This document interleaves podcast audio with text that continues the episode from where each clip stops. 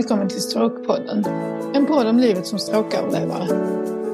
I podden kommer jag, Elin Andersson, att öppet och ärligt dela med mig om livet, dess upp och nedgångar och om hur min vardag som stråköverlevare ser ut. För den 7 januari 2023 började mitt liv 2.0, livet som stråköverlevare. Jag insåg väldigt snart efter insjuknandet att kunskapen och informationen till drabbade och anhöriga, framförallt till oss som är mitt i livet, är oerhört bristfällig. Så min gode vän Ann-Sofie Berg och jag kläckte därför idén om att starta den här podden. Vi hoppas att Stråkpodden ska sprida inspiration, hopp och förhoppningsvis också en del kunskap till alla er där ute som själv är drabbade eller lever som anhörig till en strokeöverlevare eller bara är nyfikna på ämnet. Den 7 januari i år drabbades jag av en stor hjärnblödning som jag senare skulle få veta berodde på en fistel.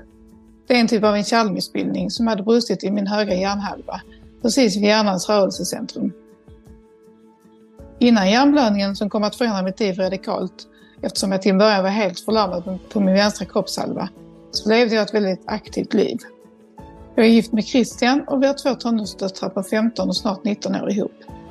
Vi bor i en en och en halv plans villa i Vellinge som är en liten ort en dryg mil söder om Malmö. Vi har en sibirisk katt, Samira, som är 10 år och en hund, Busse, som är en beagle som är fem år gammal.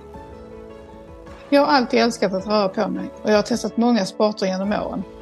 Tennis, ishockey, innebandy, pingis, fotboll. Ja, det mesta som fanns att utöva när jag växte upp på 80 och 90-talet. Men de senaste åren har jag blivit mer eller mindre frälst av crossfit och jag tränade detta 4-5 gånger i veckan fram till den 7 januari i år, när mitt liv på ett sätt började om. Även långa promenader ute i naturen med vår hund såg jag till att få till mer eller mindre dagligen i mitt gamla liv. Om ni gillar det här avsnittet så får ni jättegärna dela det så att fler får chans att lyssna. Du kan också välja att följa eller prenumerera på podden så missar du inte när ett nytt avsnitt släpps. Vi hoppas att ni tycker att podden är intressant och vill lyssna.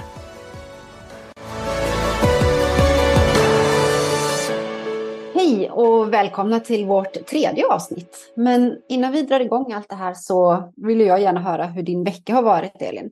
Har, du, har det varit någon utmaning?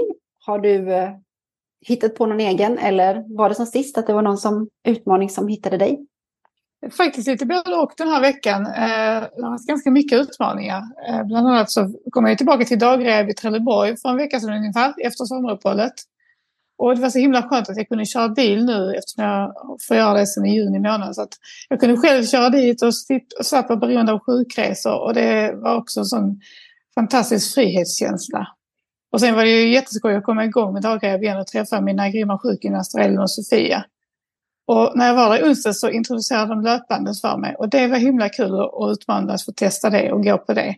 Lite läskigt var det såklart eftersom jag aldrig har gjort det innan i det här tillståndet. Men eh, vi började på lägsta hastigheten och sen så gick jag på där en stund så det kändes riktigt kul.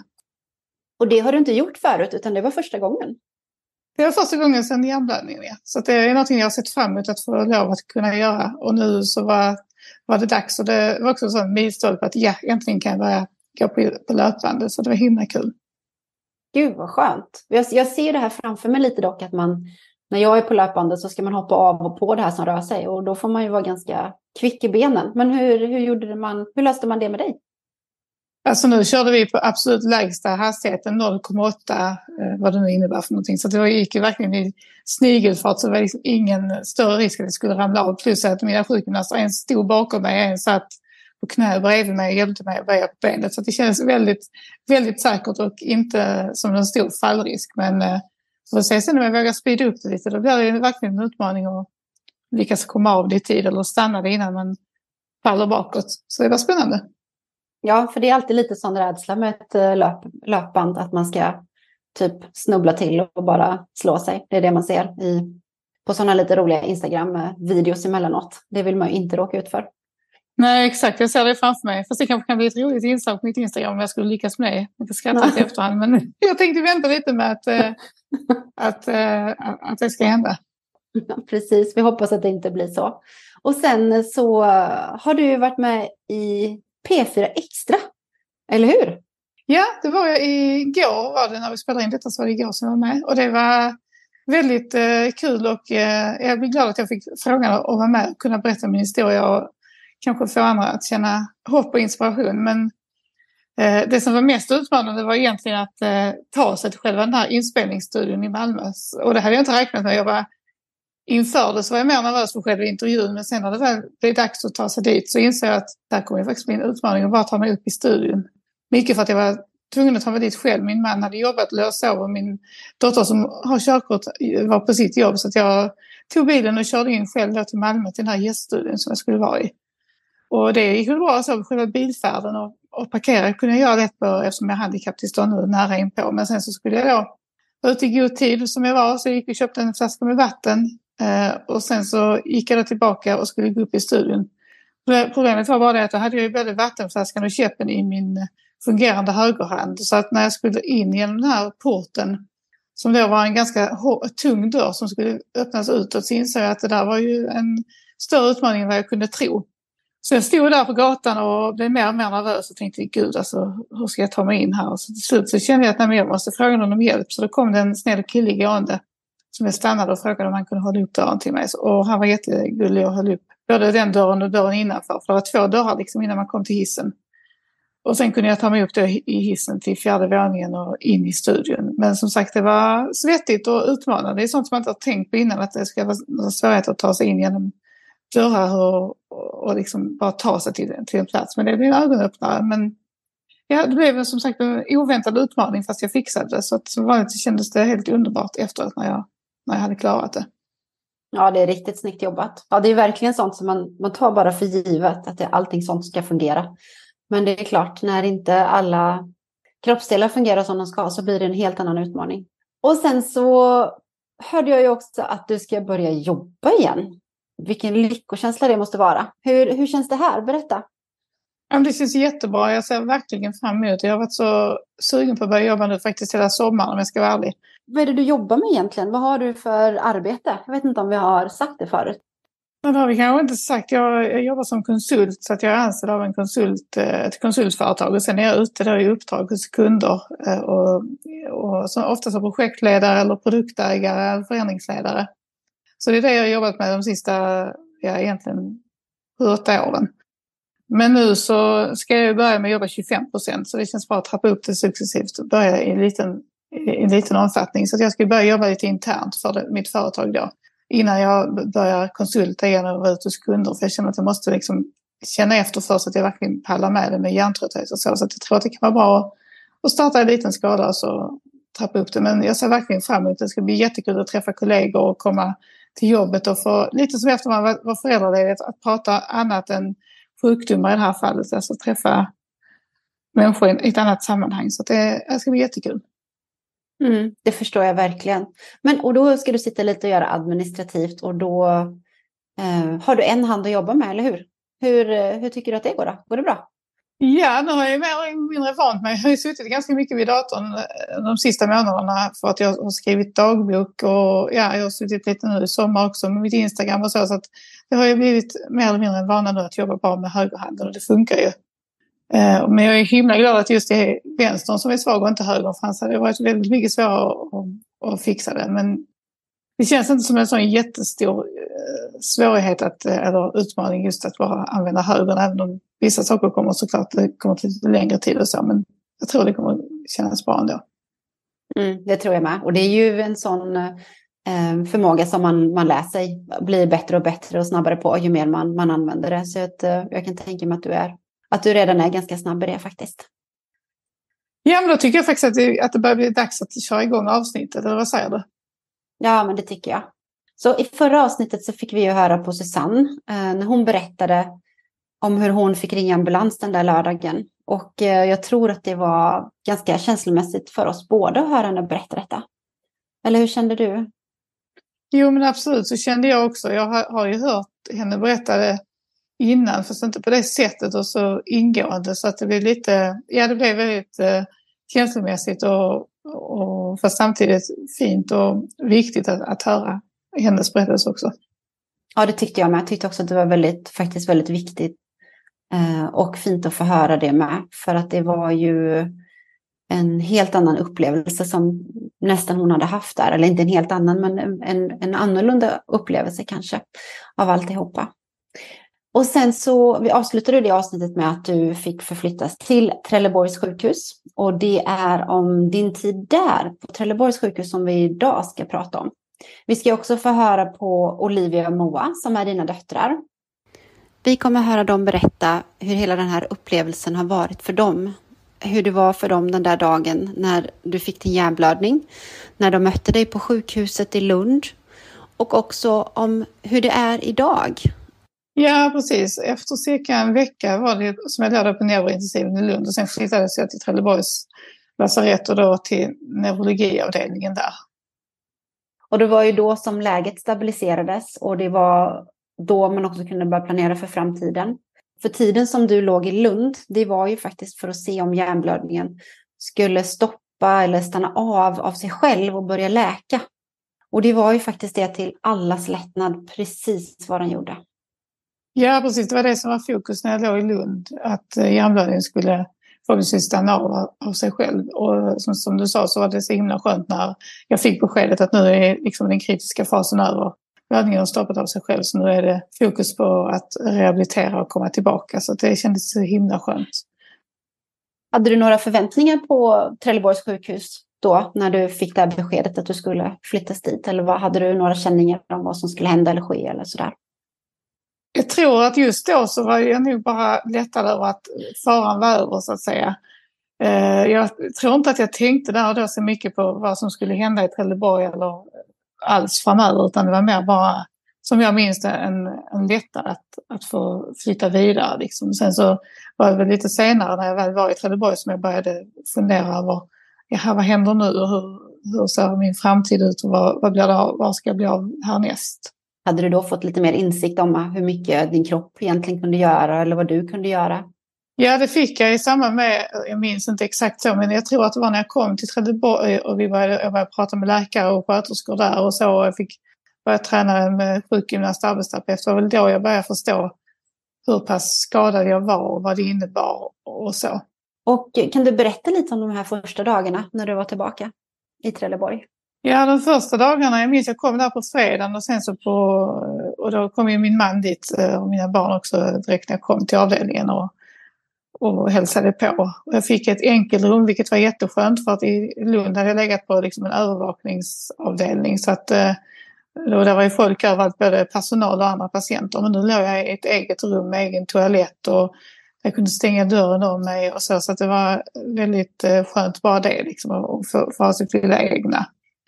Ja, så det var väl det var mycket mina känslor när jag kom dit. Men sen de första dagarna var ju att eh, förstå vad, vad händer här. Och det fick jag reda på ganska snart, minns jag redan på fredag när jag kom, att på måndag så kommer sjukgymnastiken dra igång. Och då kommer våra, jag vet att de var väldigt så här öppna med att vi har våra sjukgymnaster och arbetsterapeuter. Vi har ett rehabteam här som är väldigt omtyckt. Och de jobbar tillsammans, både logoped, sjukgymnast och arbetsterapeut. De kommer komma in och, och träffa dig redan på måndag. Och så skojade de lite och sa att det börjar hårdträningen så det är bäst att vi vilar upp den nu i helgen. Sen på måndag kör vi igång 100 procent. Och då vet jag att jag kände att gud vad äntligen, alltså jag blev väldigt glad över att höra det, att, att jag skulle få börja träna så pass snabbt. Liksom. Och det, sån rehabträning, det var någonting som pågick varje dag då i Trelleborg? Ja, det var det. Varje dag så, så kom de in, oftast en, både en gång på förmiddagen och en gång på eftermiddagen, arbetsterapeut och sjukgymnast. Mm inte så mycket logoped eftersom jag inte hade några så här direkta talsvårigheter och svällsvårigheter utan det var arbetsterapeut och sjukgymnast. Och de kom där som sagt två gånger om dagen och så körde vi träning både på rummet och sen fanns det ett litet rehabrum bredvid i mitt rum på sjukhuset där jag fick då gå in med framförallt sjukgymnasten och träna eh, på dagarna. Och efter en tid där, om det var slutet av första veckan, så fick jag även till med mig ner i rullstol där till eh, själva sjukgymnastsalen som fanns på, i källarvåningen där dagrev håller till. Så då fick jag vara där och träna och gå i en lite större bar som de hade där och jag fick prova att sitta in crosstrainer och sittande crosstrainer och det var, jag minns fortfarande när jag fick testa den här crosstrainern första gången, det var en sån häftig känsla för där kunde jag ju få röra hela kroppen även om jag var, knappt kunde röra vänstersidan. Så i och med att jag kunde använda styrkan jag hade på högersidan så fick ändå rörelse i min svaga vänstersida samtidigt som jag, när jag satt där och det var en häftig känsla. Jag vet att det var en sån lyckokänsla att känna att jag rörde hela kroppen och fick träna på riktigt. För du har legat still när du har legat i Lund. Då har inte du egentligen rört dig speciellt mycket.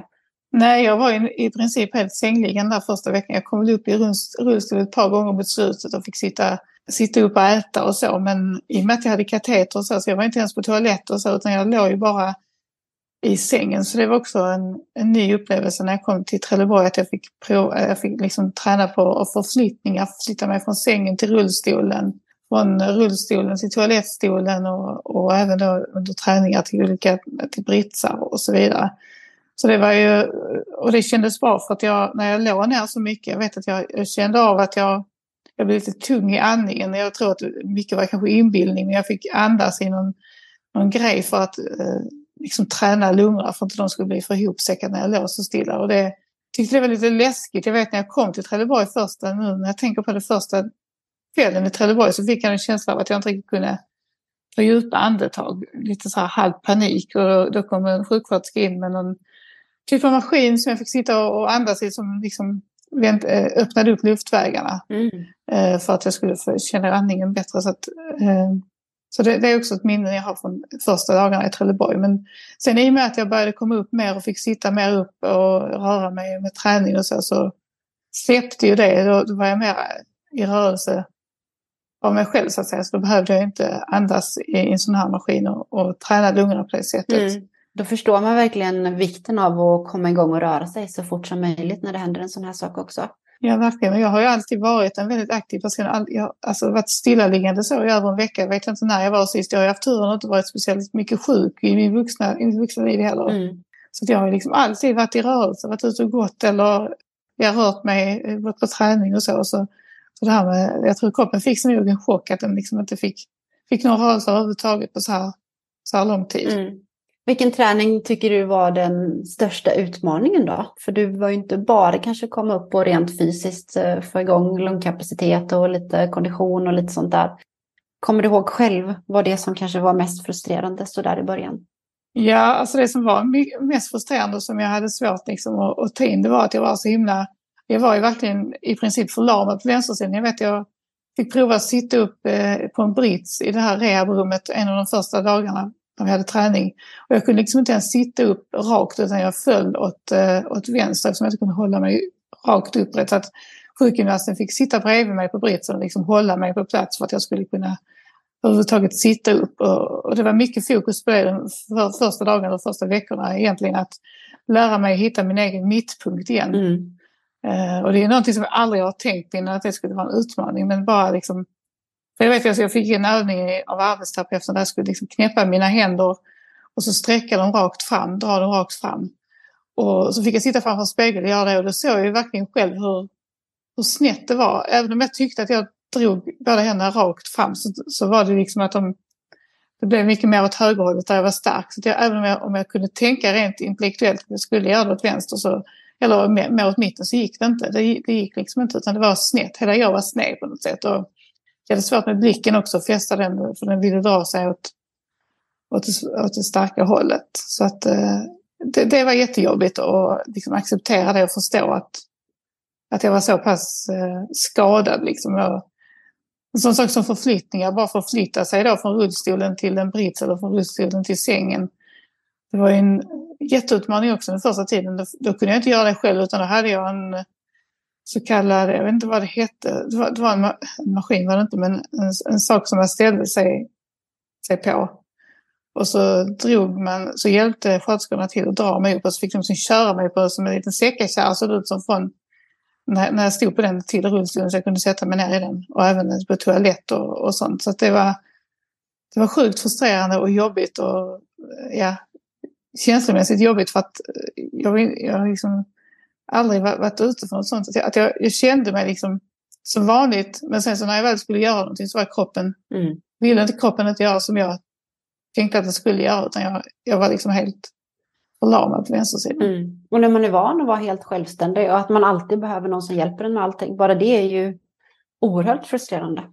Ja, det var det. Bara en sån sak som att gå på toaletten själv. Det, det dröjde ju över en månad innan jag fick lov att och, och göra det. Jag fick tillåtelse, man ska säga, att, att gå på toa själv för de tyckte att jag var för tillräckligt stadig. För det var ju först när jag kom till Orup några veckor därefter som jag fick grönt ljus att, att gå på toaletten själv. Så att, att hela tiden ha personal med sig vad man än ska göra var också, även om de var supergulliga och jättebra på alla sätt och vis, så var det extremt jobbigt att acceptera att, att det var så som mitt läge var nu. Jag fick liksom hjälp, duscha kunde jag inte göra själv utan då fick jag sitta på en, en stol och så fick personalen duscha mig. Så att eh, jag var verkligen helt utelämnad till, till andra människor och kunde inte fixa någonting på egen hand. Mm.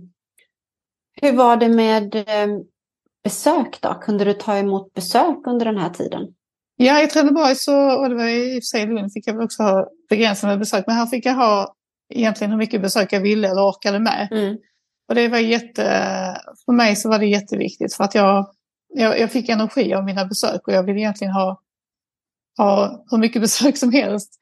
Eh, det var till och med så att min, min man fick, eh, ja, han fick sätta upp ett typ av schema för att kunna boka in vem som skulle komma när. För att eh, det var så många som hörde av sig, vilket jag är superglad och tacksam för. Och, och ville gärna komma och hälsa på mig. Så att det, det, det gällde liksom att organisera det på ett bra sätt så det inte krockade. Så att i vanliga fall har jag varit en planerande människa i familjen som har haft listor och skrivit ner vad som ska hända när och så. Men nu fick min man ta den rollen. Så han, han fick ja, göra en, en lista i mobilen och, och skicka till mig vem som skulle komma vid vilken tid. Du hade också även i det här schemat eh, tid för vila, eller hur? Visst hade de eh, lagt in tider när du skulle vila för, för att du behövde vila? Ja, precis. Det blev ju så. Personalen märkte väl att jag hade väldigt mycket besök och tänkte väl, jag förstår att de tänkte på min eh, hälsa, att jag behöver min hjärnvila och så vidare. Jag hade lite svårt själv att, eh, jag förstår gjorde det, men att, att vilja förstå det. Så att jag bokade gärna in besök från morgon till kväll bara för att jag tyckte att det var så kul att folk hälsade på. Så det slutade med att personalens, det fanns en whiteboard, en liten whiteboardtavla utanför mitt rum och där skrev de upp då Elins hjärnvila och så fick de då skriva att jag hade en halvtimme på förmiddagen och en halvtimme på eftermiddagen. Och då under den tiden så var de väldigt tydliga med att då får du inte ha några besök. Har du besök så får de gå ut under den tiden så att du verkligen får vila. Och det är jag tacksam för idag att de gjorde men det var, det var lite jobbigt att, att acceptera det. Och när du har sån här hjärnvila då var det bara att ligga i sängen och inte, alltså inte lyssna på någon musik eller någon podd kanske eller någonting sånt utan då var det helt, du skulle verkligen bara stänga av allting. Ja, exakt så var det. Jag fick liksom mobilförbud också. Det är, man tänker om man, som man hade med barnen när de var mindre. De bara, du lägger ifrån dig telefonen, så stänger tvn, så rullade de ner och stängde dörren. Och, ja, det skulle vara helt, eh, helt stilla och tyst från alla intryck. Och det förstår jag ju idag också. Det är det som, som behövs för att, att hjärnan ska koppla ner och vila, att man liksom stänger ut alla intryck. Men det var en, lite, en, en svår eh, sak att, eh, att acceptera också. Eftersom jag ville ville så gärna hinna med så mycket och träffa folk och jag var igång. Jag tror kanske vi alla behöver lite järnvila emellanåt. Kanske är nyttigt för alla. Men kände du själv då när, man, när de stängde ner allting att du egentligen var kanske trött? Att hjärnan var trött? Att det var ganska skönt att göra det? Ja, så var det ju. Nästan alla gånger så somnade jag till. Mm.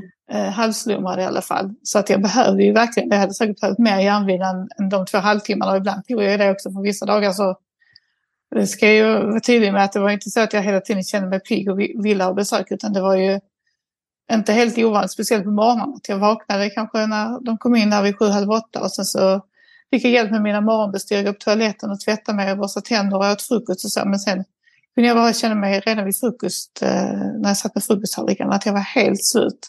Jag bara kände att det här går inte, hur ska jag orka träna? Jag visste att sjukgymnasten skulle komma om en halvtimme, timme. Så ofta så fick jag ju liksom be om att få hjälp att lägga mig på sängen bara efter att jag hade gjort de här morgonbestyren för att orka med förmiddagen sen. Så att hjärntröttheten var ju väldigt påtaglig där mm. den första tiden på, på sjukhuset framför allt.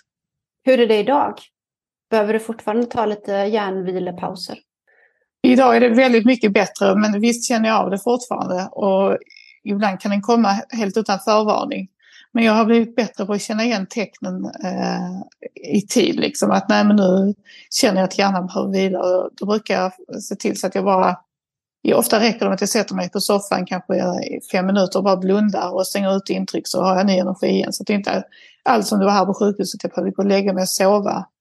Och, så, utan det kan, och det kan också vara så att jag kan ligga och lyssna på en podd eller ha tvn på och ändå känna att jag, jag får den hjärnvilan jag behöver. Så att visst finns den kvar men inte alls i samma utsträckning. Och jag har lättare att kontrollera det nu än vad jag hade där i början. Mm. Och du hade många besök säger du och det är ju roligt. Och det gör ju också att man får upp lite, man får lite energi och man blir peppad av det och se nära och kära komma och, och komma förbi. Var det Bosse som var liksom höjdpunkten de här första dagarna när han dök upp? En av höjdpunkterna i alla fall. Bosse är vår, eh, vår hund och vår beagle som jag nog har nämnt någon gång att jag har. Ja.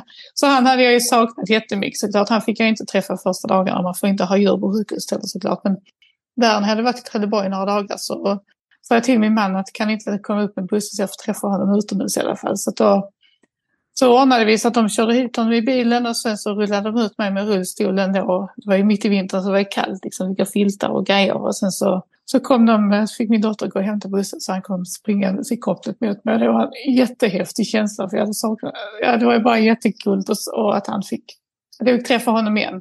Och han, jag vet inte, han förstod väl kanske inte att jag hade varit borta eller jag, på något sätt hade han märkt att jag inte hade varit hemma på ett tag. Han blev verkligen jätteglad och hoppade upp i knät på mig i rullstolen och svansen och rumpan viftade och på att ramla av så mycket det viftade. Så det var, ja, det var jättekul att få träffa honom. Jag var jätte, jätteglad över att, att jag fick jag säga hej till honom igen. Sen så var det några, några gånger till den veckan som min, som min man kom eh, med, med bussar så gick vi ut och gick en runda med rullstolen så höll han bussen såklart och så, fick, och så gick han med mig samtidigt så vi fick en liten promenad. Så det var jättekul. Ja, det förstår jag. Och det är klart, de andra höjdpunkterna kanske var också när, när Moa och Olivia, dina döttrar, också fick komma. Ja, såklart det var det ju. Eh, de kom, Trelleborg är ganska nära Vellinge där vi bor så att det tog bara en 20 minuter för dem att köra dit. Och sen har jag min äldsta dotter körkort eh, nu sedan ett knappt år tillbaka. Så det var också jätteskönt. De kunde komma och hälsa på när min man började jobba så smått där igen. Så då kunde de komma och hälsa på mig när han då var på jobbet. Och vi hade några helger där de kom förbi hela familjen och hade med, köpt med sig mat och hade med sig lite snacks och lite spel och så. Så satt vi bara åt och umgicks och spelade, spelade spel där på kvällen på, på sjukhuset inne på mitt rum. Så det var också verkligen sådana höjdpunkter som jag minns att jag uppskattade verkligen. För det blev lite mer som vanligt kan man säga i och med att vi kunde umgås på det sättet istället för att bara, ja, att vara sjukhus hela tiden. Jag tror det är viktigt också att man får lite sådana här eh, igenkännande vanliga hemmasaker liksom när man ligger på sjukhus på det här sättet. Att eh, det ger också energi eh, och peppar den. Och vi har ju faktiskt Moa och Olivia med oss här idag. Vi har ett samarbete med Strokeförbundet. Strokeförbundet har som uppgift att skapa bättre levnadsvillkor för de som fått en stroke och för deras anhöriga. Detta gör förbundet genom att skapa opinion, påverka samhälle samt politik. Det handlar om att informera om stroke och dess symptom, särskilt hur man förebygger och upptäcker när någon drabbats av en stroke. Det är mycket viktigt att få en diagnos tidigt så att behandling kan sättas in så snart som möjligt. Förutom att Strokeförbundet är en medlemsförening för dig som är strokeöverlevare eller anhörig så samlar de inom ramen för Strokefonden in gåvor som bland annat stödjer Strokefondens forskning om stroke och dess konsekvenser med drygt 4 miljoner årligen. Vill du vara med och bidra? Gå in på strokeförbundet.se. Där kan du skänka en gåva och själv bli medlem. Vi har ett samarbete med Optima Rehab. Behöver du rehabilitering? Optima Rehab erbjuder intensiv rehabilitering i Spanien. I tre veckors tid, fem dagar i veckan, sex timmar per dag tränar du med specialister inom rehabilitering. Du tränar med fysioterapeuter, arbetsterapeuter och neuropsykologer. Har du problem med talet så får du träna med en logoped. Du kan få ersättning för rehabiliteringen via Försäkringskassan. Optima Rehab hjälper dig att ansöka. Ring 08 663 33 3349 eller mejla till info optimarehab.se. Kan du inte resa men behöver träning? Då rekommenderar vi Optima Online. På Optima Online hittar du träningsfilmer, alla anpassade för personer med funktionsnedsättningar. Gå in på www.optimaonline.se. Hej Olivia och hej Moa och välkomna till Strokepodden. Tack så mycket. Tack. Kan inte ni berätta om när ni först fick reda på att Elin låg på sjukhuset? Och eh, vill du kanske börja Olivia? Ja, jag var och jobbade. Mm. Och så kom eh, mamma och pappas kompis från, eh, som de brukar träna med upp till mig och sa att mamma hade ramlat Eh, att jag skulle ringa pappa. Mm. För att få reda på vad som hade hänt. Liksom. Och då tänkte jag ju först att hon... För det var ju ett tag sedan innan det som hon hade brutit foten. Så mm. jag tänkte att det var något liknande liksom. Och så ringde jag pappa, men jag fick inte tag på han. Sen ringde han upp mig och då sa han då att mamma hade fått en hjärnblödning. Och jag fattade inte riktigt vad det innebar liksom. Nej. Men jag åkte hem direkt. Eh, och så var Moa där hemma. Och hon hade också fått reda på det. Och sen eh, körde min eh, kille oss in till eh, Lund, till mormor. Mm. För vi visste inte riktigt om vi fick komma upp än liksom. Eh, och sen, eh, sen åkte vi upp till sjukhuset med mormor och fick träffa mamma då. Mm. Och Moa, var var du någonstans när du fick reda på detta? Eh, jag var hemma och alltså jag vaknade av att det bankade ett massa på dörren och, så, och att pappa och Olivias kille kom in på mitt rum och frågade om jag visste vad det var som eh, lät. För jag, hade, alltså jag förstod inte riktigt vad det var. Eh, sen så kom pappa upp och berättade att för han hade pratat med vår familjevän som knackade så kom han upp och berättade att mamma hade ramlat. Så åkte han till eh, gymmet och så. Sen ringde han mig när han hade fått reda direkt på att det var en hjärnblödning och berättade. Och då, ja, jag förstod inte heller riktigt vad det innebar liksom. Men ja, sen när vi åkte in och jag träffade henne, det var då jag blev, liksom, vilken chock för hur allvarligt det faktiskt var. Liksom. Mm. Och innan så tänkte ni att det inte hade varit så allvarligt? Ja, de sa ju bara att hon hade ramlat ihop. Så. Ja, och, ni, och då kände ni er väldigt oroliga då? Eller blev det lite sådär att uh, man inte kände att det var så farligt kanske? Nej, just då tänkte jag ju inte att det var sådär jättefarligt. Um, förrän vi kom upp och träffade henne liksom och fick se det. Mm. Och jag, vi visste ju knappt vad en hjärnblödning var. Alltså, eller vad det kunde ha för konsekvenser innan. Liksom. Nej. Nej, det tror jag att vi alla har så här i efterhand fått lära oss vad som egentligen kan hända och ske. Det är ju inte, ja. inte så vanligt att man får det när man är så här ung heller som, som Elin är. Nej. Och ni fick ju då komma dit redan första dagen när hon låg i Lund. Hur ja. Mm. kändes det då, då? Moa, du sa att det, var en, att det var en helt chock. Var det för att det såg otäckt ut när du kom in eller vad? Ja, alltså var det det och sen, alltså jag kände igen henne så, men alltså hon var ju inte alls sig själv och det, alltså hon, de första dagarna så varken pratade hon typ eller hennes, hon kollade typ inte eller rörde sig eller någonting riktigt. Så att det var ju därför jag hade inte, alltså jag trodde, visste inte att, det skulle liksom, att hon skulle se annorlunda ut och att det skulle vara så det faktiskt var. Nej. Och du Olivia, vad, vad kände du när du kom in? Hade du samma känslor? Ja, jag tror det var, hon var ju själv så, man märkte ju på henne, hon pratade inte sådär jättemycket och kunde inte, som sagt hon kunde typ inte riktigt kolla eller röra på ögonen och sådär. Så det var ju liksom en helt annan mamma än vad vi är vana vid att se. Mm. Så det var nog det som var chocken. Mm. Och om man jämför henne med nu och då så var det ju mycket, mycket, mycket värre precis när det hände. Mm. Ja, det har kommit en lång bit på väg. Men jag kan verkligen förstå hur otäckt det här måste ha varit när man har kommit in. Vi blev, vi blev ju alla oerhört chockade. Men vi ja. var ju inte alla som var på plats och kunde se det här. Liksom. Så att jag kan tänka mig att det måste ha varit eh, väldigt obehagligt. Ja, och så mm. var hon så ledsen själv också. Och mm. Helt förstörd liksom. Mm. Såklart. Mm. Och då var ni där på sjukhuset en stund och sen eh, efteråt, vad gjorde ni då? Åkte ni hem till er mormor eller åkte ni hem till er eller vad gjorde ni då? Eh, den natten tror jag vi alla sov hos mormor. Mm. För att vara nära liksom om något mer skulle hända eller sådär. Mm. Och det var väl skönt för alla. Mm. Mm. Kunde ni prata om vad som hade hänt då tillsammans? Ja, det gjorde vi. Eh, mammas syskon var ju också där. Eh, vissa av dem. Mm. Eh, och mormor och hennes man då. Så vi satt ju och pratade. Pappa fick ju åka upp först. Han åkte med ambulansen in. Mm. Så då var vi ju själva hos mormor med hennes syskon. Hur kändes stämningen? Var det väldigt eh, oroligt? Ja, det var det ju. Det var mm. det. Alla var lika, lika skärrade och lika oroliga om vad som skulle hända. För de första dagarna yeah. så var hon ju faktiskt att hon att man bara skulle vänta och se om det läkte också eller om hon behövde opereras. Ja, exakt. Mm. Och eh, så här i efterhand då, är det någonting som ni känner har varit eh, extra bra att ni fick göra precis när detta hade hänt, när man kommer in och man får en chock och det är väldigt obehagligt och läskigt.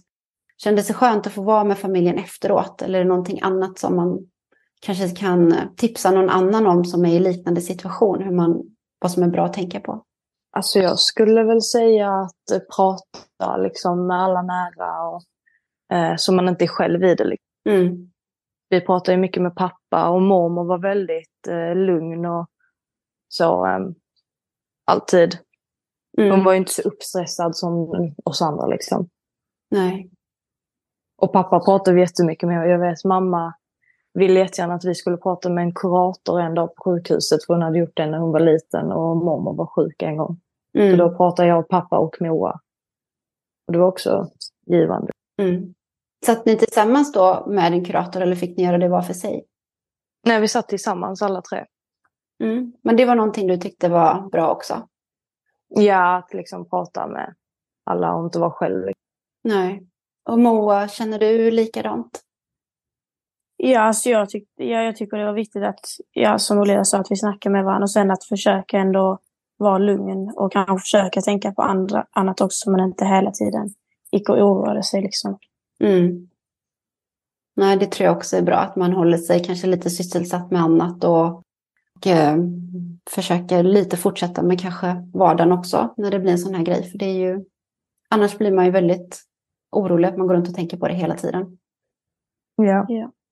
Hade ni någon sådär höjdpunkt den första dagarna när, när Elin låg på sjukhus? Hon såg ju då väldigt dålig ut när ni kom in och sen var hon ju där nästan en vecka. Är det någonting som ni kände, eller något tillfälle som ni kände att saker och ting vände lite? Är det något speciellt ni kommer ihåg? Eh, jag skulle nog säga när, för då de första dagarna, så kunde hon ju knappt, hon kunde inte röra sina ögon. Mm. Och det märkte man väldigt tydligt och det var, ja, det var jättekonstigt att se liksom. Men sen eh, efter ett par dagar så såg man hur just ögonen blev bättre och bättre och följde med. Och man såg att hon kunde kolla på oss och hon pratade lite bättre och sådär. Så man såg ju små framsteg hela tiden liksom. Mm. Och då fick man lite hopp att det skulle gå ja, rätt väg. Och, och Moa, vad, vad tänker du? Ja, både det.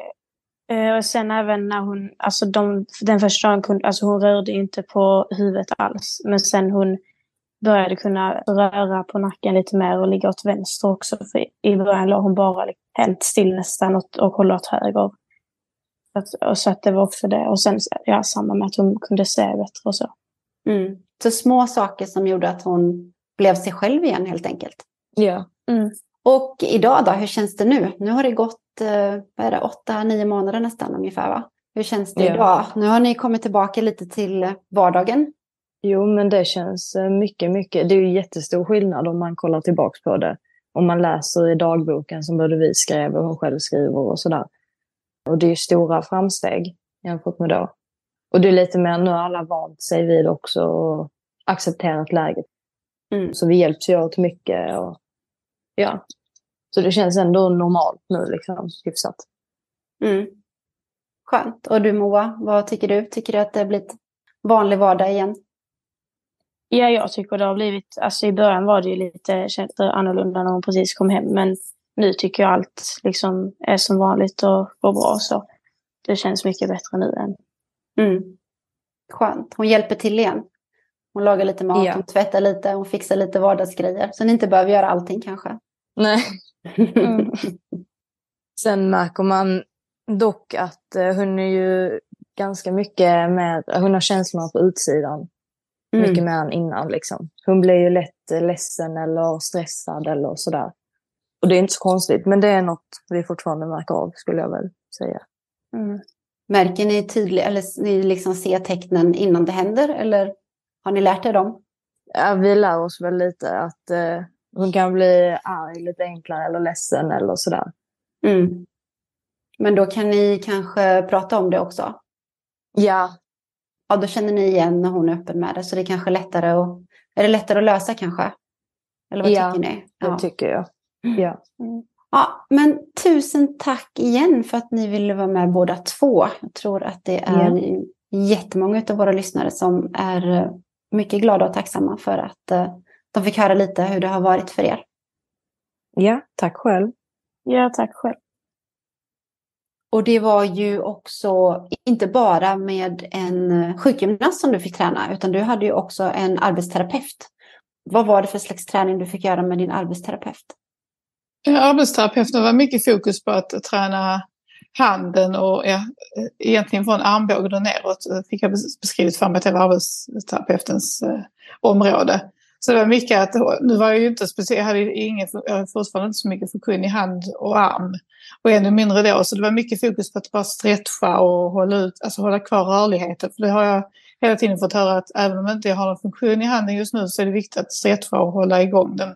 För att den, när det väl kommer igång så är, det, så, så är det viktigt att den är mjuk och, och rörlig så att säga. Så att det var mycket stretchingövningar. Jag fick prova spegelträning på handen, det var lite spännande har fortfarande inte, har inte gjort det på ett tag men jag har inte märkt att det har hjälpt än men det kan säkert funka. Det går till så att man har liksom en spegel på sin svaga sida bredvid sig och sen så gömmer man den svaga armen bakom spegeln och sen så gör man rörelser med sin fungerande hand, högerhanden då i, min, i mitt fall. Och sen så ska då hjärnan på något sätt, när jag tittar i spegeln eh, på de rörelserna som jag gör med min friska hand så ska den svaga handen på något sätt tro, jag ska tänka att det är den svaga handen jag ser i spegeln. Och så ska då hjärnan eh, bli lurad att göra samma rörelse med den svaga handen. Och tydligen finns det forskning som visar på att det här funkar. Bland annat med folk som har fått amputera en kroppsdel och känner smärta i, i en kroppsdel som inte finns. Så att man kan träna via spegelträning och så man blir av med det. Så att det kan säkert funka och det fick jag testa på i, i Trelleborg och gjorde ganska mycket där på dagarna. Men än så länge så som sagt har det inte skett något. Det känns lite som hokus pokus men jag ska inte säga att det inte fungerar för jag har testat igen och, och, och ser hur, hur det går. Så det, var, det var mycket sån träning jag fick göra med arbetsterapeuten. Sen vet jag också att det var lite så kognitiva tester för att se hur min kognitiva förmåga hade påverkats. Så jag minns särskilt ett test jag fick göra som gjorde mig så fruktansvärt frustrerad och arg och ledsen.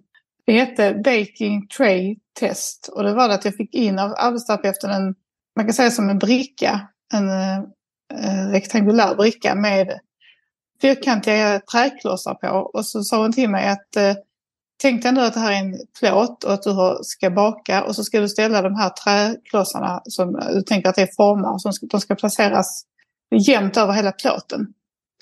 Och jag tänkte när jag fick uppgiften, ja hur svårt kan det vara? Jag har liksom bakat mycket i mitt liv och placera ut formar på en plåt är ju inget svårt liksom.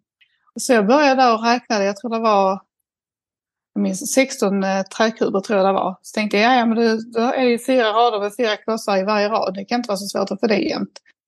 Så jag började sätta ut de här. Men så bara inser jag att det här, när jag tittade på resultatet så hade jag placerat allting på högersidan. Fast jag tänkte, alltså det var så konstigt för att jag visste ju exakt hur det skulle vara i huvudet. Men när jag väl satt där och skulle placera ut de här träklossarna så blev det inte som jag ville. Det fokuserades bara till högersidan. Och envis och mer så försökte och försökte jag. Eh, och jag blev mer och mer frustrerad när det inte gick. Och jag vet, jag började gråta och jag liksom svor och till och med säkert jätteilla mot den här stackars arbetsterapeuten. Men till slut så fick jag ge upp för det gick verkligen inte. Så sa jag, men alltså varför går det inte? Jag vet ju helt klart i huvudet ser jag framför mig resultatet men jag får inte ihop det kan du inte göra det, sa jag till henne. Så alltså, hon bara pratade lugnt och pedagogiskt med mig. och menade på att, att eh, försökte liksom trösta mig och säga att det är ingen fara, du har varit ute för en, en stor skada i hjärnan och det här är helt normalt. Så hon satte upp eh, traktorn precis som det skulle vara. Och, då, och det var helt självklart för mig, ja, det är klart det är så man gör. Det var så jag tyckte i huvudet att jag gjorde också, men det gick verkligen inte. Och det var en upplevelse som, alltså jag var så knäckt, jag kunde inte släppa det. Så när min man kom och hälsade på på kvällen så sa jag, nu, nu ska vi testa att göra det här igen. Så vi gick ut i dagrummet och så fanns det liksom ett kinaschack och en bok som vi använde som bricka. Och så försökte jag igen sätta ut de här schackpjäserna på boken igen. Liksom. Men det gick fortfarande inte. Så äh, det var fruktansvärt frustrerande. Men sen var det faktiskt så när jag var, till, var tillbaka på Dagräv nu för några månader sedan, fick träffa en arbetsterapeut där. Så bad jag att få göra om det här testet för jag tänkte att jag ska minsann klara det. Varför funkade det inte sist? Så att, då tog hon fram samma eh, bricka till mig med samma träklossar och så fick jag testa igen. Och så fixade jag det direkt. Alltså jag behövde inte ens tänka. Det bara, och så, så blev jag så himla lycklig. Så sa jag, ja, men varför gick inte detta när jag skulle göra detta i, januari? Jag var ju helt, jag visste exakt hur jag skulle göra men det gick inte. Och då förklarade hundskap att det är inte alls konstigt. Du var, din hjärna var i en chockfas då, det var kaos i ditt huvud. Så det är inte alls, det är fullt normalt att, att, att det blir så. Mm. Så det var fascinerande hur hjärnan... Och det är någonting som har kommit tillbaka har du tränat tillbaka det då eller har det kommit tillbaka i och med att hjärnblödningen har läkt sig?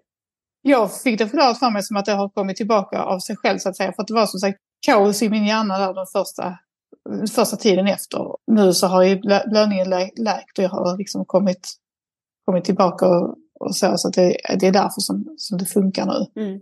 Men det var en väldigt så skön känsla att, se att jag faktiskt kunde det. För att det här liksom, jag har ändå haft det här i bakhuvudet ända sedan jag inte lyckades med detta i januari. Jag har svårt att, haft svårt att släppa det. Så att jag blev så himla lycklig när, när det gick igen och insåg att jag inte hade blivit helt knäpp, eller vad man ska säga. Mm. Jag kan, ju inte ens, jag kan ju inte ens föreställa mig hur en hjärnblödning känns eller hur det känns att vara förlamad eller på det här sättet då när hjärnan inte fungerar som man tror att den ska göra. Men hur kändes kroppen under de här första dagarna i Trelleborg? Hade du ont någonstans? Ja, jag vet att redan i Lund, även om jag inte minns det så mycket, så hade jag väldigt ont på min vänstersida. Och jag kommer ihåg i Trelleborg att den smärtan, det var först då jag minns den här smärtan, för jag hade svårt att... Eh, jag, jag vaknade många nätter av att jag hade jätteont i vänsterhanden framför allt, även lite, lite grann i benet, men framförallt var det handen som jag hade en sån fruktansvärd nervsmärta i. Det kändes som att den kokade och brann samtidigt. Alltså det går inte att beskriva, den var ju liksom inte varm egentligen, men känslan när jag vaknade var verkligen att den, att den brann och kokade och det gjorde så fruktansvärt ont. Och det var egentligen ingen medicin som hjälpte. Jag fick ju både så här Gabapentin, tror jag det heter, som är en nervsmärtstablett och jag fick starka värktabletter i förebyggande syfte mot det. Men det var, fanns liksom ingenting som kunde ta bort den här fruktansvärda smärtan. Så att vissa nätter så kunde jag liksom inte sova mer än 20 minuter innan jag vaknade genom den här smärtan. Mm.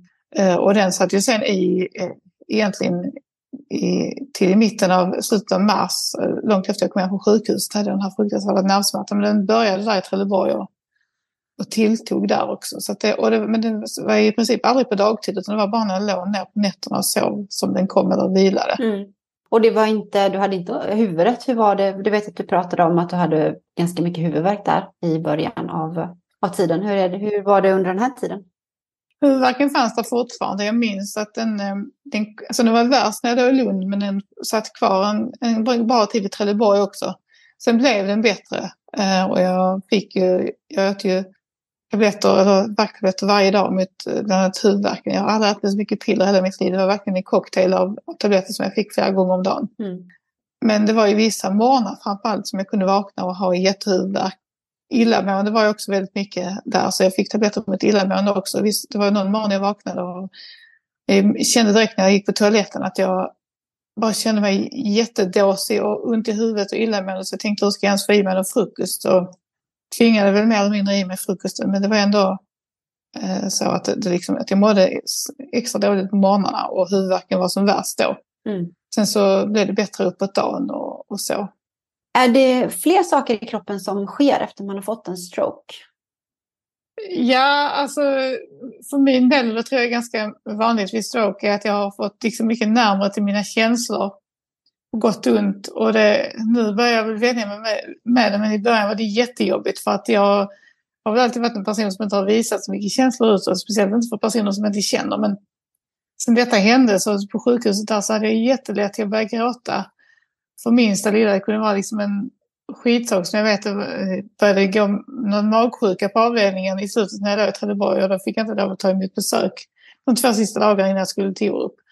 Och då blev jag jätteknäckt av det. Jag började storgråta och kände att livet var över och jag ringde till Christian och beklagade mig. Och var, alltså jag var helt otröstlig. En sån grej hade jag liksom aldrig eh, reagerat så på tidigare. Jag menar jag förstår ju varför det är besöksförbud så det är inte det. Men det var bara det att det blev jag, mina känslor, jag kunde liksom inte kontrollera mina känslor. Det var samma med att jag hade mycket lättare till skratt och det var i och för sig positivt. Men det kunde liksom vara att någon av mina döttrar, då, kanske speciellt min yngsta dotter som är 15, hon sa någonting till mig som egentligen var eh, lite så här, ja, att hon ville ha igång en diskussion, provocerande, liksom, som en tonåring kan vara. Och då kunde jag börja skratta hysteriskt istället för att bete mig som en vuxen liksom, och prata med henne. Så, så blev jag liksom helt full i skratt och kunde liksom inte kontrollera det. Och det, det var jättejobbigt. Och Så fick jag ju, med barn när lite äldre barn så fick vi ändå prata med dem att de kan på ett sätt förstå varför det är så. Men det var, det var jättejobbigt att inte kunna kontrollera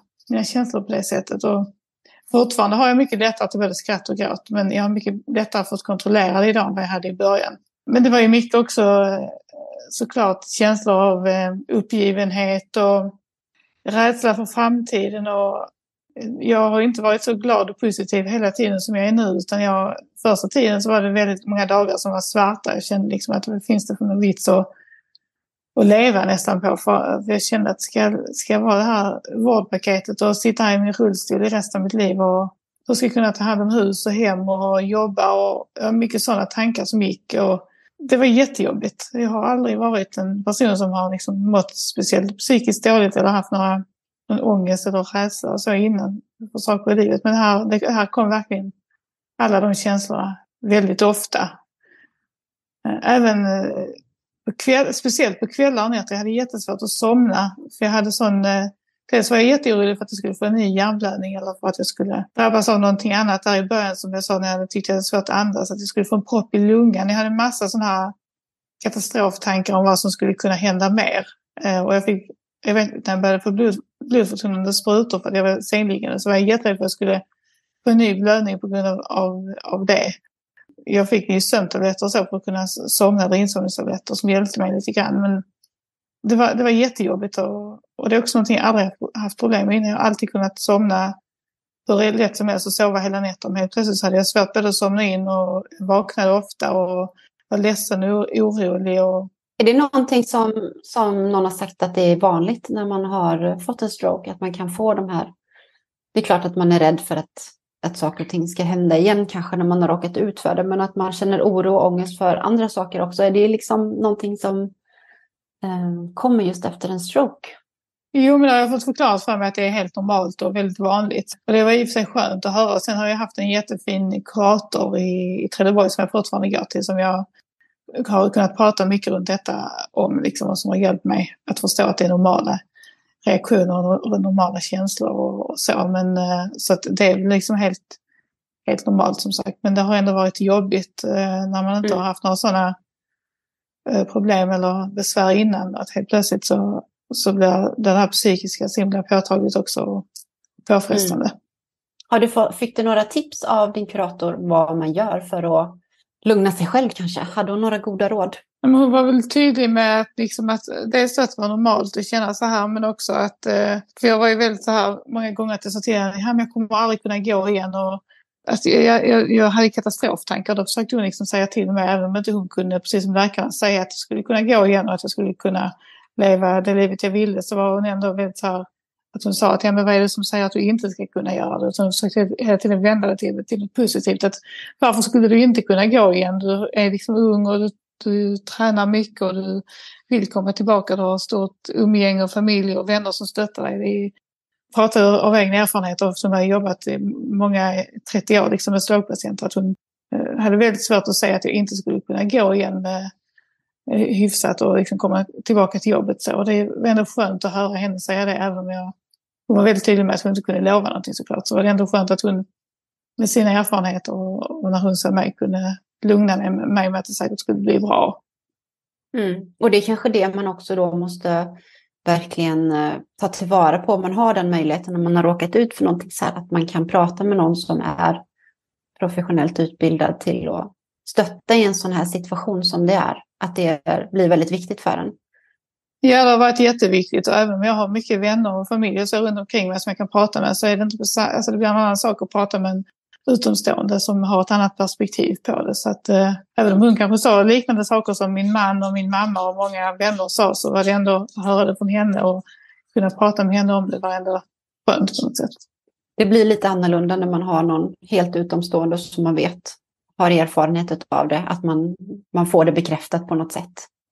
Och när du inte tränade, vilket vi nu förstått har varit en väldigt stor del av dagarna i Trelleborg, en hel del med allt möjligt som man ska lära sig på nytt.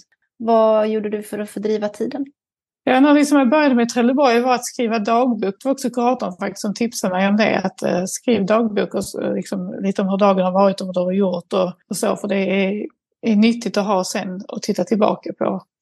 Så det började jag med då. Jag tror det var efter två veckor efter det hände så började jag skriva dagbok. Och det fortsatte jag sen med fram till för en dryg månad sedan ungefär. Så att jag skrev, för hela första halvåret skrev jag dagbok varje dag. Och det är jättebra nu känner jag att ha gått tillbaka till. För att jag, jag, brukar faktiskt ganska ofta gå och läsa vad jag skrev kanske där i januari, februari, mars när jag låg på sjukhus. Och när jag gör det så inser jag att det ändå har hänt extremt mycket. Jag har ju kommit tillbaka på många sätt, eh, både fysiskt och, och mentalt och, och så. så det, det, har varit, och det har varit terapi för mig själv också att sitta där varje dag och skriva ner vad som hade hänt och reflektera över vad jag hade gjort och vilka tankar och känslor jag hade. Jag försökte vara väldigt, eller jag var väldigt ärlig där. Jag skriver exakt hur jag kände. Om jag hade haft en dålig dag och varit väldigt ledsen och haft ont eller mått dåligt på andra sätt så skrev jag det. Och hade jag lyckats med någonting inom träningen och kände lycka över det så skrev jag det. Så att jag, jag försökte fånga allting som, som hade hänt under dagen, både känslomässigt och, och fysiskt.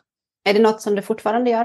Eh, nej, sen så blev det mer med, i och med att jag startade upp mitt Instagramkonto där i slutet av våren så blev det till slut att jag kände att nej men, nu har jag skrivit dagbok i ett halvår. Nu kände jag inte riktigt att jag hade den tiden längre utan nu har jag mitt Instagram istället. Även om det inte är som en dagbok så är det ändå att jag lägger upp vad jag gör så jag kan gå tillbaka och se vad jag, har, vad jag kunde för en månad sedan och vad jag kan idag. Så det har lite ersatts av, Instagramkontot faktiskt.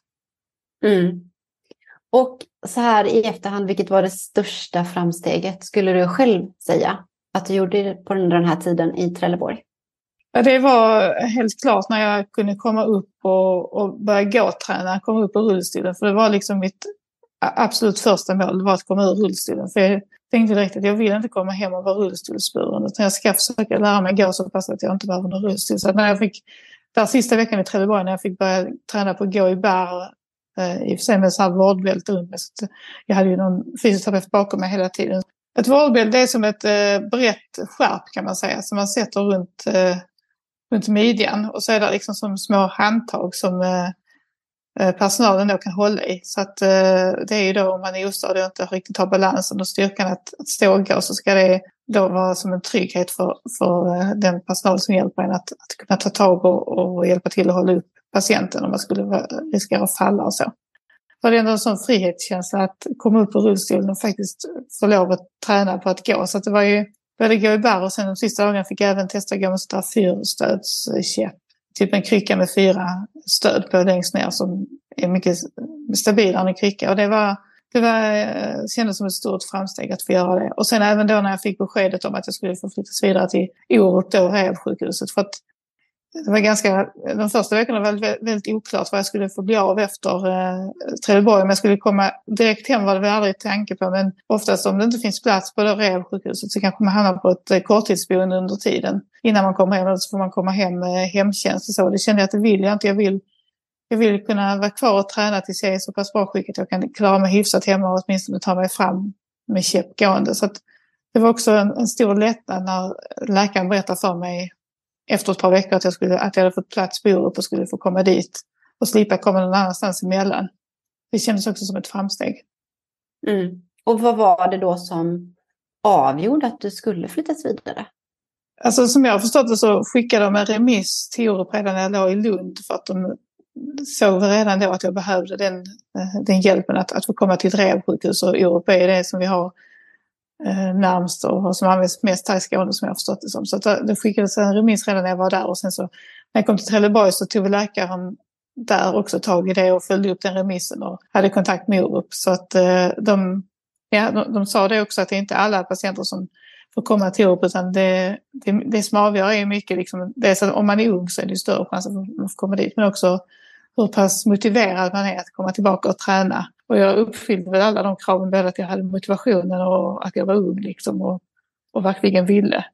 Eh, mm. Så att eh, jag tror det var de faktorerna som avgjorde att jag fick.